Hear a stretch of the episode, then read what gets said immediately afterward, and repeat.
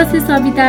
Thank you so much Karuna. मेरो तर्फबाट पनि तिमीलाई दसैँको धेरै धेरै शुभकामना अनि हाम्रो podcast series Gulabi Samvad a teen's talk सुन्दै गर्नुभएको प्यारो प्यारो श्रोतालाई पनि कार्यक्रममा हार्दिक स्वागत भन्दै विजया दशमी दुई हजार अठहत्तर सालको धेरै धेरै शुभकामना। तपाईँको मनले चिताएको राम्रा राम्रा कुराहरू चाहिँ पुरा हुँदै जाओस्।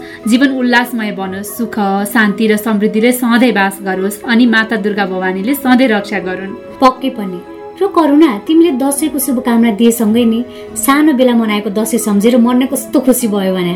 घरभरि मान्छे मिठा मिठा परिकार नयाँ लुगा लाउन पाउँदाको खुसी अनि पिङको चचहुई गाउँभरि सबैतिर रमाइलो। आहा सम्झिँदा पनि भर्खरै गाउँ जाउँ जाउँ भयो भने मलाई त। तिमीले बाल्यकालको दसैँ सम्झेको सुनेर नि सविता मलाई पनि मैले बाल्यकालमा मनाउने गरेको दसैँको याद आयो भने। अब हामी दसैँ मनाउन चाहिँ चितवनबाट गोर्खा जाने गर्थ्यौँ कि? अनि वर्षभरि भेट हुन नपाएका परिवारजनसँग आफन्तहरूसँग अनि गाउँभरिका मान्छेहरूसँग भेट हुन्थ्यो गाउँभरि डुल्थ्यौँ। अनि दसैँ भनेपछि अर्कै रमाइलो लाग्थ्यो कि? हो नि करुणा दसैँमा वर्षौँसम्म भेट नभएका आफन्तहरूसँग भेटघाट हुन्छ घरभरि मान्छे हुन्छन्। तर आफूले रमाइलो गरेको कुरा मनमा भए पनि मेरो एकजना साथीको कुरा सम्झ्यो भने आफन्तको जमात देख्दा नै डर लाग्छ कि? आफन्तको खोल ओढेर आफ्नो मान्छे हो भन्ने बाहना गरेर मान्छेले त्यतिसम्म नराम्रो र निच हरकत गर्न सक्छ भनेर सोच्न पनि गाह्रो हुन्छ भने। भन्नाले सविता के भएको थियो तिम्रो साथीलाई?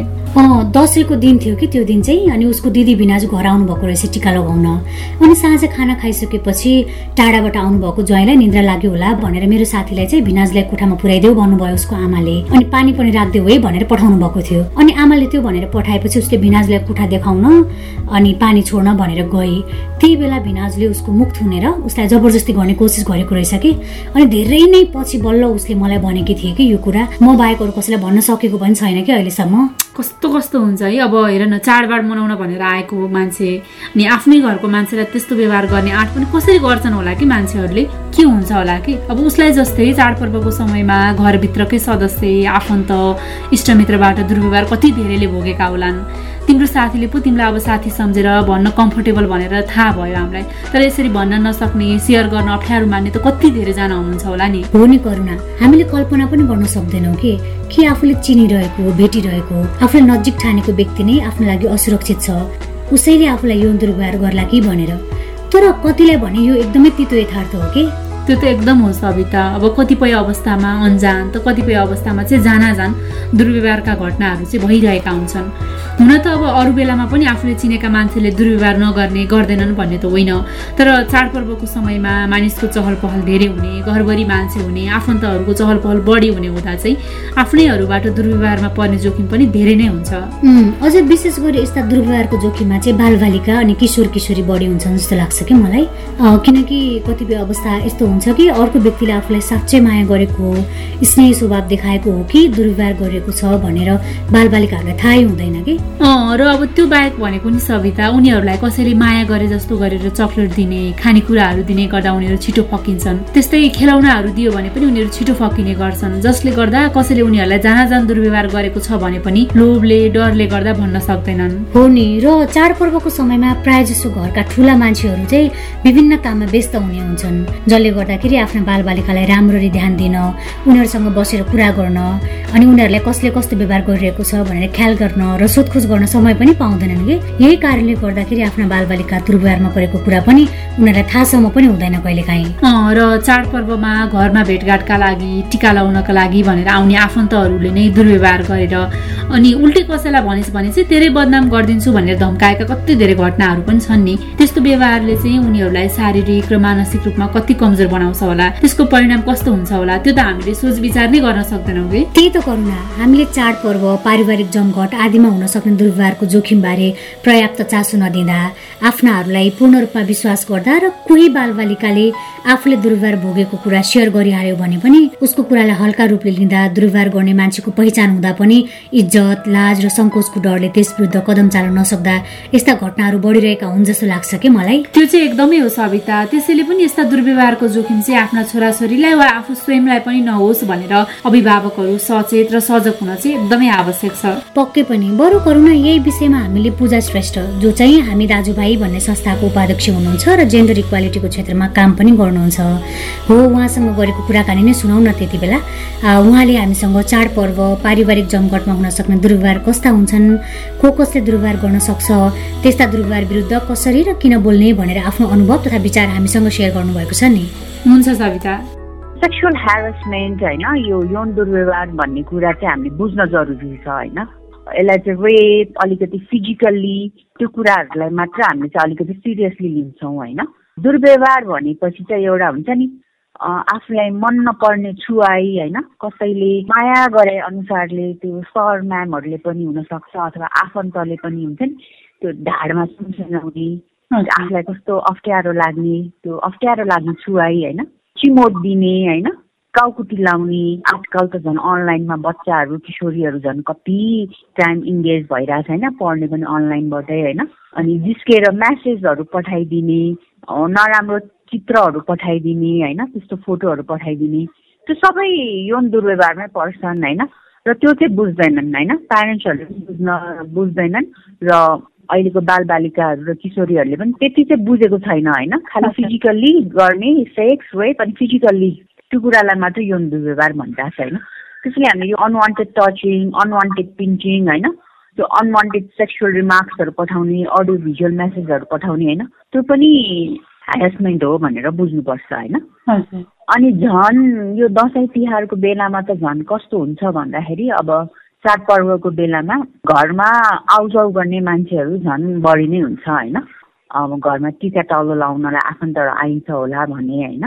हामी पनि कहिले काहीँ चाडपर्वमा रमाइलो मेलाहरू लाग्छ होइन? गाउँतिर सहरतिर पनि होइन?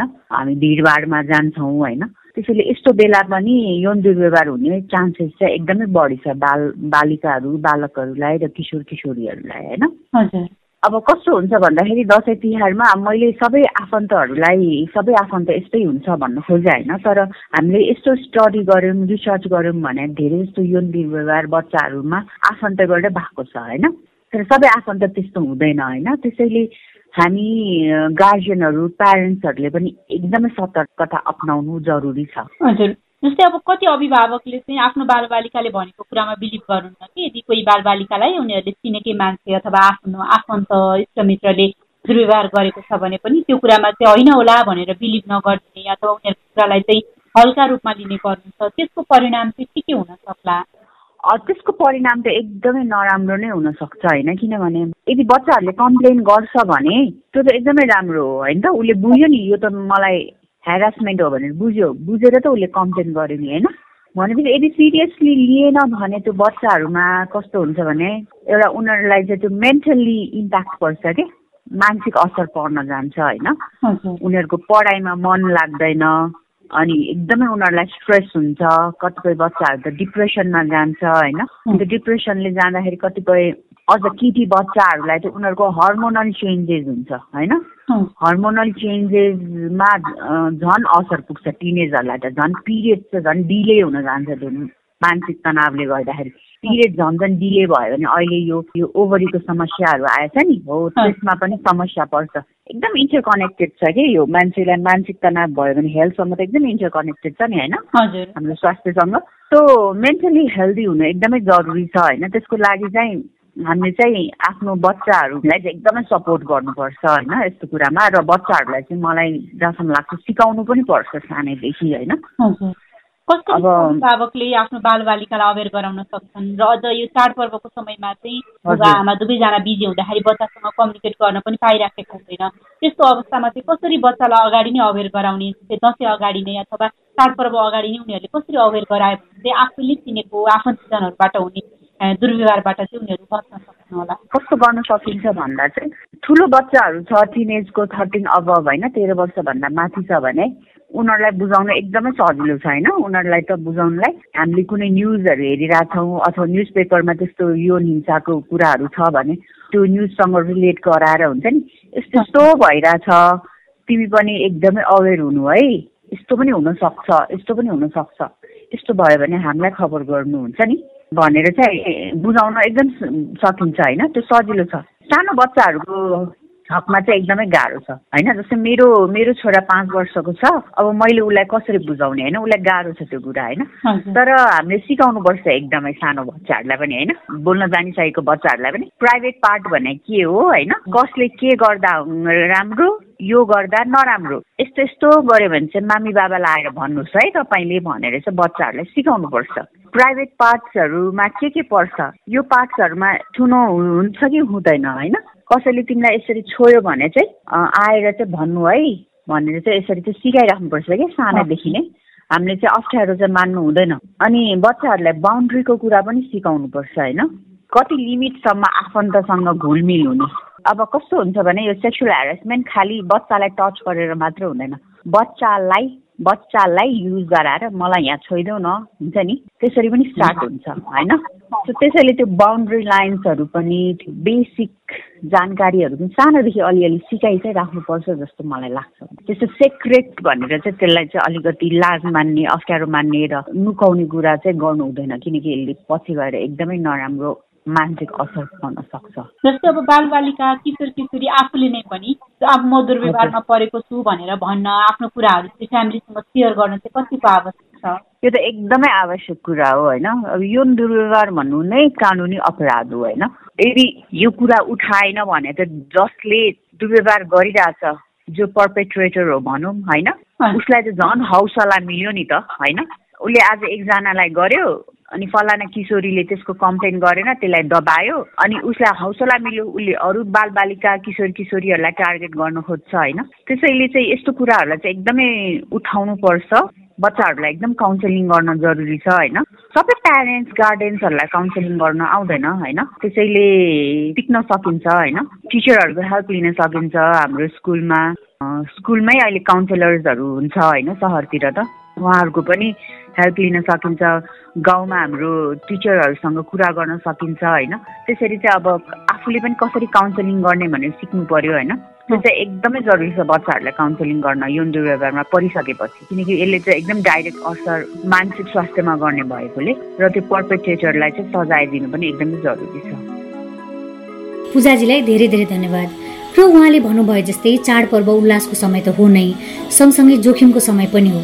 यस्ता उत्सव चाडपर्वमा हामीले आफ्ना बालबालिकालाई पर्याप्त समय नदिँदा उनीहरूको कुरा नसुनिदिँदा जान अन्जानमा चिनेकै व्यक्तिबाट दुर्व्यवहार भइरहेका हुन्छन्।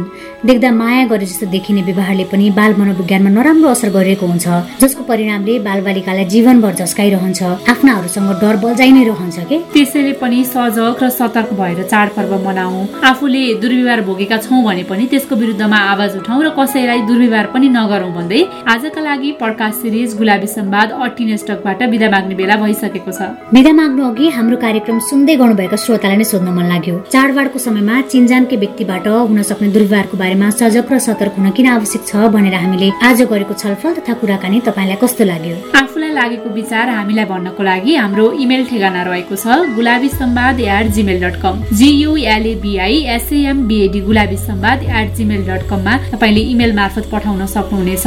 अथवा हाम्रो Facebook page W W W dot Facebook dot com slash Gulabi Samvad यसै गरी इन्स्टाग्राम ट्विटर टिकटक र युट्युबमा पनि हामी गुलाबी सम्वाद नाम मार्फत कनेक्ट हुन सक्छौ। त्यहाँ पनि तपाईँले आफ्ना अनुभवहरू लेखेर वा रेकर्ड गरेर हामीलाई पठाउन सक्नुहुनेछ।